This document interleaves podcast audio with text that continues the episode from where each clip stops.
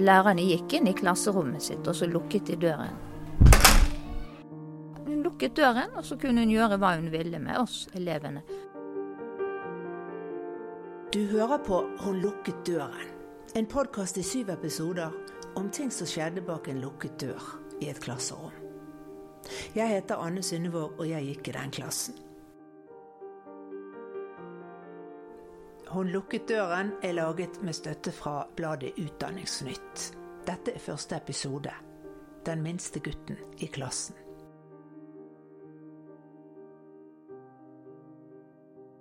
Da vi gikk på folkeskolen, hadde Gro lange, lyse fletter som rakk langt ned på ryggen. Hun satt foran i klasserommet, like ved døren. Men ikke helt fremst. Foran hun igjen satt Olaf, den minste gutten i klassen. Jeg tror han var veldig stille og innbilla meg at han gikk med bøyd hode. Og jeg kan aldri huske at jeg så ansiktet hans, egentlig. Jeg husker ikke hvordan han så ut. Jeg husker det godt bakfra, men ikke forfra, for han gikk vel alltid og så ned. I august 1958 begynte jeg på skolen. Vi var 27 elever i klassen, og kvinnen i 40-årene som tok imot oss første skoledag, hun var frøken for vår klasse i alle de syv årene på folkeskolen i Bergen.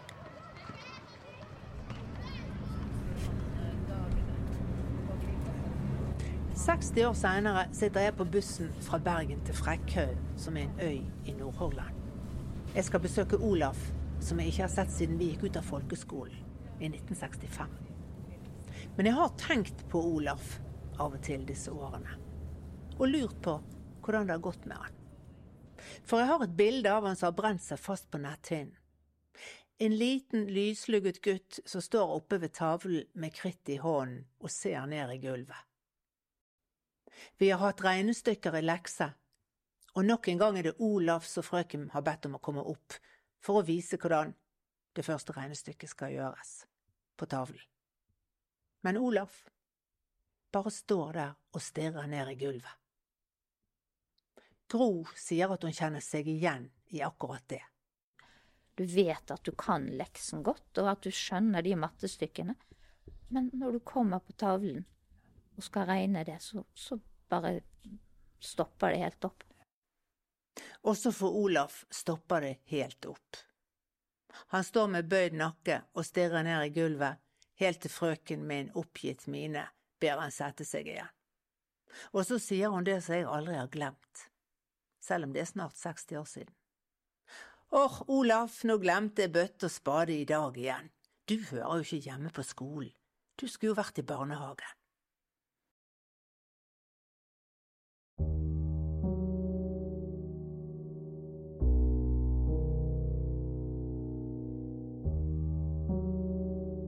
Sånn som jeg husker det, fikk Olaf høre hvor han egentlig hørte hjemme igjen og igjen de syv årene vi gikk i samme klasse på folkeskolen i Bergen.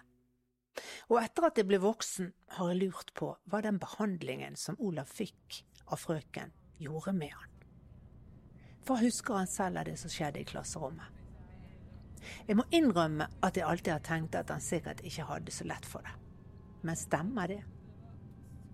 Og hva skjedde etter syvende klasse? Hvordan har livet hans blitt? Det er det jeg skal finne ut nå. Det var lenge siden. Men jeg kjenner deg igjen nå. Ja, jeg kjenner deg igjen. Olav er ikke liten lenger. Han har strukket seg så det monner. Jeg møter en lang og tynn og litt hengslete kar som går i jeans og T-skjorte med bilde av Jimmy Hendrix på brystet. Luggen er blitt mørkeblond, og skjegget er grått. Han tar imot meg hjemme hos seg og konen Grete på Frekkhaug, mens hunden Kitta, en svart labrador, logrer rundt beinene våre. Jeg husker at jeg uh, hadde fått en ny uh, ransel, og den uh, var blå. Og så var det masse sånne vaskebjørner på. Sånn, sånne pandaer.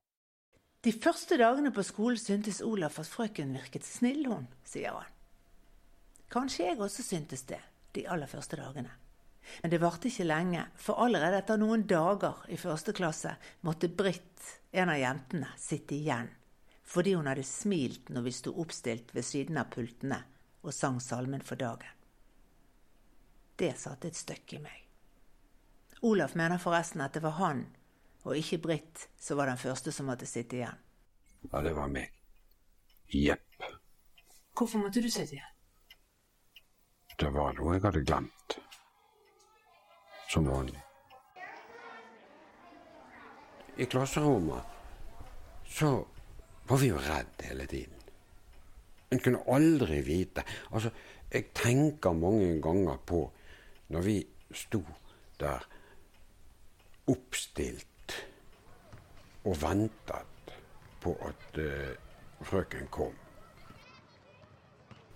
Og så kom hun der sånn litt skeiv. Hun hadde tungt å bære. Sånn. Og du kunne se på ansiktet at hun ikke var særlig blid. Du kunne faktisk se på lang avstand at hun uffet og uffet og, og liksom var oh, sånn Her er det best å forsvinne i mengden.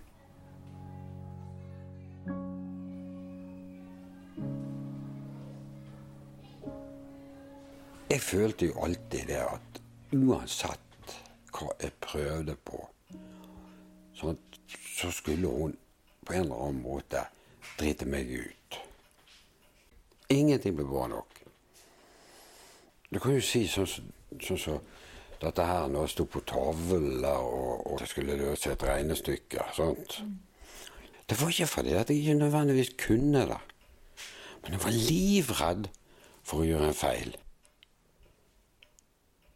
Jeg var så redd for å gjøre feil at jeg tørde ikke å svare på spørsmål som jeg visste veldig godt.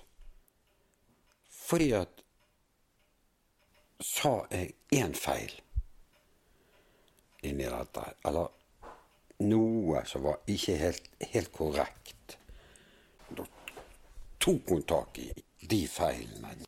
Og så, og så nøt hun å gjøre meg til latter. Og unger er jo unger, sant. De lo jo, og, og det ble jo hun ganske sint for, sant. Men på en måte så følte jeg liksom det at det var ålreit å le ut av, ut av mine tabber. Den episoden som jeg tenker på, så satt han ved siden av meg på andre borte med vasken andre pult der. Helene var en av jentene i klassen som frøken ikke plaget. Og så satt han på skrå ved siden av meg, så jeg så han hele tiden mens dette pågikk. Og da hadde vi hatt stilskriving. Vi skulle skrive noe hjemme i lekse. Og så skulle hun eh, gå gjennom leksen sikkert dagen etter eller noen dager etterpå. Og så når leste hun opp noen stiler, jeg vet ikke hvem sine, som var veldig bra. Og alle måtte beundre de da. Og så leste hun opp Olaf sin. Og det var sånn at dette her, Olaf, det var bare bånd. Det var så dårlig sånn at det kunne man ikke ha det. Og lo av han og fikk oss til å le av han. Spilte på at vi også skulle på en måte gjøre narr av han for at han hadde levert et sånt dårlig Jeg vet ikke hva det var han hadde skrevet. Det var i hvert fall ikke mye, men noe som hun ikke godtok. Og hang han ut i klassen. Og han bare krympet sammen på pulten, så jeg husker jeg satt sånn. Og det var så forferdelig å se på han. Jeg husker at det Han så ned i pulten? Ja, og var helt fortvilet, selvfølgelig. Og det var ikke noen som kunne redde han, ingen kunne hjelpe, ingen kunne si noen trøstens ord at du, 'neste gang får du det til', eller noe sånt. Nei. Det var bare helt forferdelig. Han hadde Han må jo ha følt seg som en Jeg vet ikke hva. Helt knust. Det var ikke godt. Jeg husker veldig godt Olaf. En fantastisk kjekk gutt. Han var jo liten. Han øh, holdt på å si, vokste seint. Og... Dette er Arne Fredrik, som selv var en av de høyeste guttene i klassen. Men sånn i friminutter og skolesammenheng så var han så forknytta så han øh, han hadde helt tydelig angst overfor læreren. Pga. den måten som hun behandlet han på. Hvordan behandlet hun han da? Eh, nedverdigende. Altså, han eh, var stille, beskjeden, sa ikke så mye, definert som dum. Og eh, det preget fikk han gjennom alle sju årene fra den læreren. Uansett hva han eh, prøvde å gjøre og sånt, så tror jeg ikke noen ting var godt nok. Og eh, han og andre også, de ble trykket ned og holdt nede av den læreren. Fikk ikke lov å utfolde seg og bruke evnene sine på skikkelig måte. Det, ingen oppmuntring, ingen støtte. Redselen for å vise at jeg ikke kunne eller ikke forsto, den var mye større enn det å be om f.eks. hjelp eller noe sånt. Altså, der har du det der gamle ordtaket, vet du, sant, at det, det er bedre å holde kjeft og bli mistenkt for å være idiot sant, enn å åpne kjeften for å fjerne enhver tvil. Sant, altså. Men hvorfor grep ikke foreldrene til Olaf inn?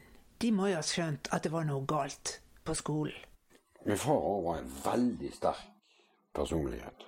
Og eh, jeg tror nok det at dersom han hadde engasjert seg, så ville hun ha fått som hatten passet også. Men faren til Olaf han var så oppslukt av jobben at han aldri engasjerte seg i Olafs skolegang. Min far var avdelingsdisponent i et av landets største industriselskap.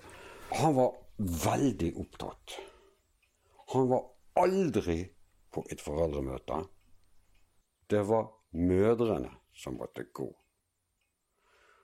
Og min mor, hun hadde noe sånn middelskole eller noe sånt. Så, sånt og hadde knapt lært litt engelsk og bitte lite grann tysk eller et eller annet sånt. Hun gikk på foreldremøtene, men hun, hun, hun møtte bare kvist.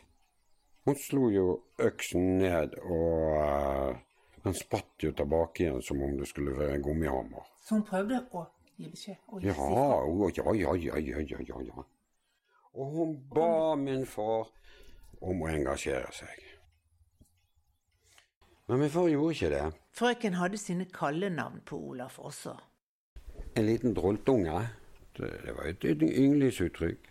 En liten tuttlus. En tuttlus er liten og tuslete. Og så alltid liten, liten, liten.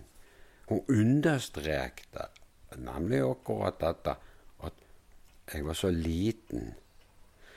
Og hun kunne jo finne på å f.eks. si et eller annet. Men det gjelder jo ikke sånne droltunger, ikke sant, Olaf? Og så hun brukte meg som en slags referanser på de som ikke fikk tingene til slik hun ville at vi skulle det, få det til. Jeg har alltid regnet meg for intelligent. Og jeg var uvanlig kunnskapsrik.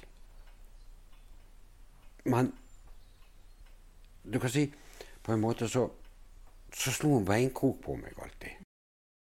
Olav har altså alltid regnet seg for å være intelligent.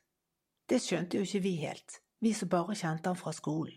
I gaten så, så var jeg leksikonet. Jeg kunne veldig mye. For jeg leste veldig mye. Det ble lest veldig mye for oss. Men en ting var at du kunne mye, men var du sjenert i gaten? Aldri. Så, så du var sjenert skolen? Tvert imot. Men hvordan var du i gaten? Jeg var leder i gaten. Altså to, tre, fire, fem stykker kunne stå og diskutere en eller annen sak. Så kunne de komme. Vi spør Olafen. Og så spurte de meg. Jeg var fasiten, jeg, da. Så du var ikke sjenert i det hele tatt i gaten? Overhodet ikke. Jeg var leder. Så, så det var to Olafer her? Ja. Veldig, veldig adskilte. Totalt. Totalt. Adskilte? Ja. Og den samme Olaf som vi trodde ikke klarte å regne, han Han skulle seinere få en jobb der kunnskaper i avansert matematikk er helt avgjørende.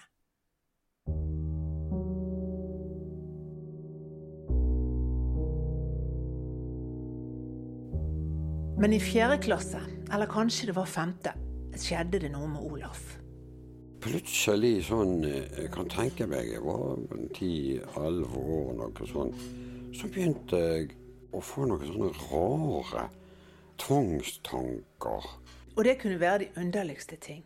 F.eks. når Olaf hadde valgt en bestemt vei når han gikk hjemmefra. Ja, da hadde han ikke noe valg når han skulle hjem igjen. Da måtte jeg gå tilbake igjen samme veien. Det var heller ikke bare å kle av seg om kvelden. Jeg måtte ligge klærne på en helt sånn spesiell måte. Sånn. Buksen sånn, og strømpene skulle ligge. Og så måtte de ligge helt på korrekt. Og, og så ble jeg redd enkelte bøker som vi hadde. For eksempel, det kom ut en bok om Adolf Eichmann han drepte seks millioner jøder. Og da var jo masse bilder sånn uh, på, på omslaget, i alle fall. Gasskammer og sånne ting. Og, og, de der måtte jeg ligge vekk, sånn at ikke de pekte mot meg i senga når jeg lå der. Det husker jeg. Og så begynte han å gruble på sykdommer. Det måtte jo være noe i veien med meg. Hvorfor? Nei, for jeg var jo sånn annerledes. sant? Så du trodde det var en sykdom? Ja. Var det fordi du ble plaget sånn at du følte deg så annerledes? Kan hende det. Jeg vet ikke. I sjette klasse fylte vi tolv år. Mange av jentene var kommet til puberteten, og noen av oss var så tidlig utviklet at vi hadde fått problemer med å få kjøpe barnebillett på bussen. Det skulle løses med legitimasjon. Fotoautomaten var jo nettopp kommet på den tiden. Og... Vi dro til byen, til automaten på jernbanestasjonen, la på penger, og ut kom en strimmel med fire våte passbilder i sort-hvitt. Og ett av de leverte vi til frøken. Da det der kom opp, så, så, så, var jo det der en sånn eureka det for meg. sant? For at jeg kom jo ikke inn på kino til barnet var tolv år. ikke sant? Så du trengte en legitimasjon? Jeg trengte legitimasjon, og, og, og så jo frem til dette her med, med glede. Så eh, den dagen, da, det var jo eh, storveise greier. sant? Jeg ser hun kommer med en, eh, en diger bunke. sant? Alt er ferdig, de er bare ikke brettet. Og én og én så ble vi kalt opp på skal få utlevert eh, legitimasjon.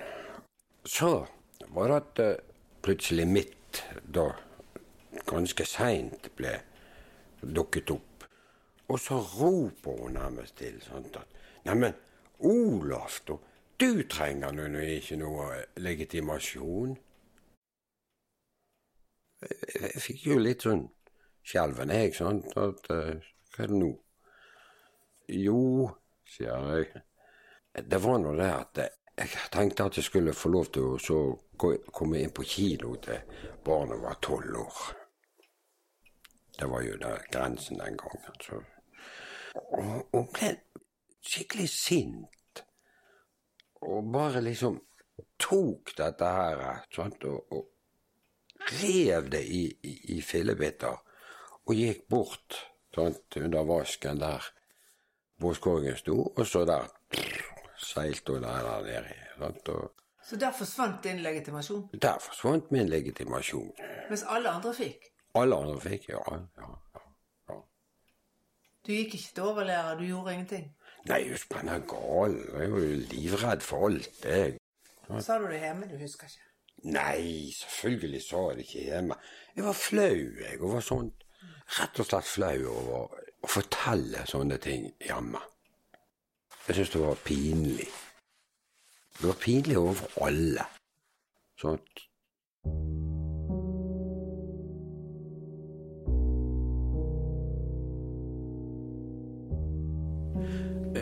var nok et ganske lett, enkelt bytte for den damen. Men hvorfor tror du akkurat du? Ja, Det har jeg lurt veldig mye på.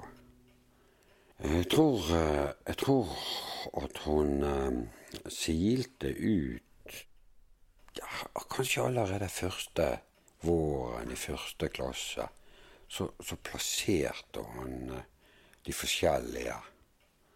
Jeg var jo veldig liten. Sant? Jeg var den minste i klassen. Jeg var jo egentlig på størrelse med gutter som var to år yngre enn meg. Tror du det var pga. at du var liten? Jeg tror det. Eller så mistenkte hun meg for å være en, en røver. Ja, eller var det det at hun så at hun mislikte personer som lot seg Du lot deg jo på en måte trykke ned, sant? I den forstand at du trosset hun ikke på noen måte. Nei, men jeg, mange ganger, veldig mange ganger i løpet av de årene, så satt jeg der og tenkte at da tar jeg pennalhuset og så kyler de rett i trynet på henne, og, og så løper jeg ut av skolen. Angrer du på at du ikke gjorde det? Nei, altså, jeg ante jo ikke hva konsekvenser det kunne føre til. Sant? Fordi at eh, jeg hadde jo nokså strenge foreldre òg. Men jeg var flau over at jeg ikke klarer å parere og være smartere og Du vet at eh, noen eh, i klassen, de kunne jo De kunne svare tilbake, men på en sånn måte at, at hun ikke da ble ble amper og hissig og sur. Og... At hun respekterte deg? Ja, på en måte. sånn. Husker du om hun var fysisk med noen? Å ja. Først og fremst lugging og, og kniping og, og Noe med men, det? De... Lugget hun deg? Å ja da. Men det, det luggingen og kniping Det var ikke ondt eller noe sånt. Men det var det var den ydmykelsen fremfor alle de andre elevene som var problemet. I et gammelt album finner jeg noen bilder fra klasseturen vi hadde til Ustadhuset på våren i syvende klasse. Vi står en gjeng gutter og jenter og tuller og ler i snøen utenfor hytteveggen. Olaf er der òg. Han smiler forsiktig. Han er ikke lenger den korteste gutten i klassen. Han har lange bein i en grå terrelenbukse og har på seg en sort strikkejakke utenpå en rutete skjorte. Hendene har han begravet i bukselommene, og skuldrene er heist oppunder ørene. På høsten begynte vi på ungdomsskolen, og da kom vi i forskjellige klasser, avhengig av kursplan. Frøken avgjorde at Olaf ikke skulle gå på den mest krevende kursplanen. Det som hun alltid sa til meg, det var det du har så gode evner, men bruker de aldri.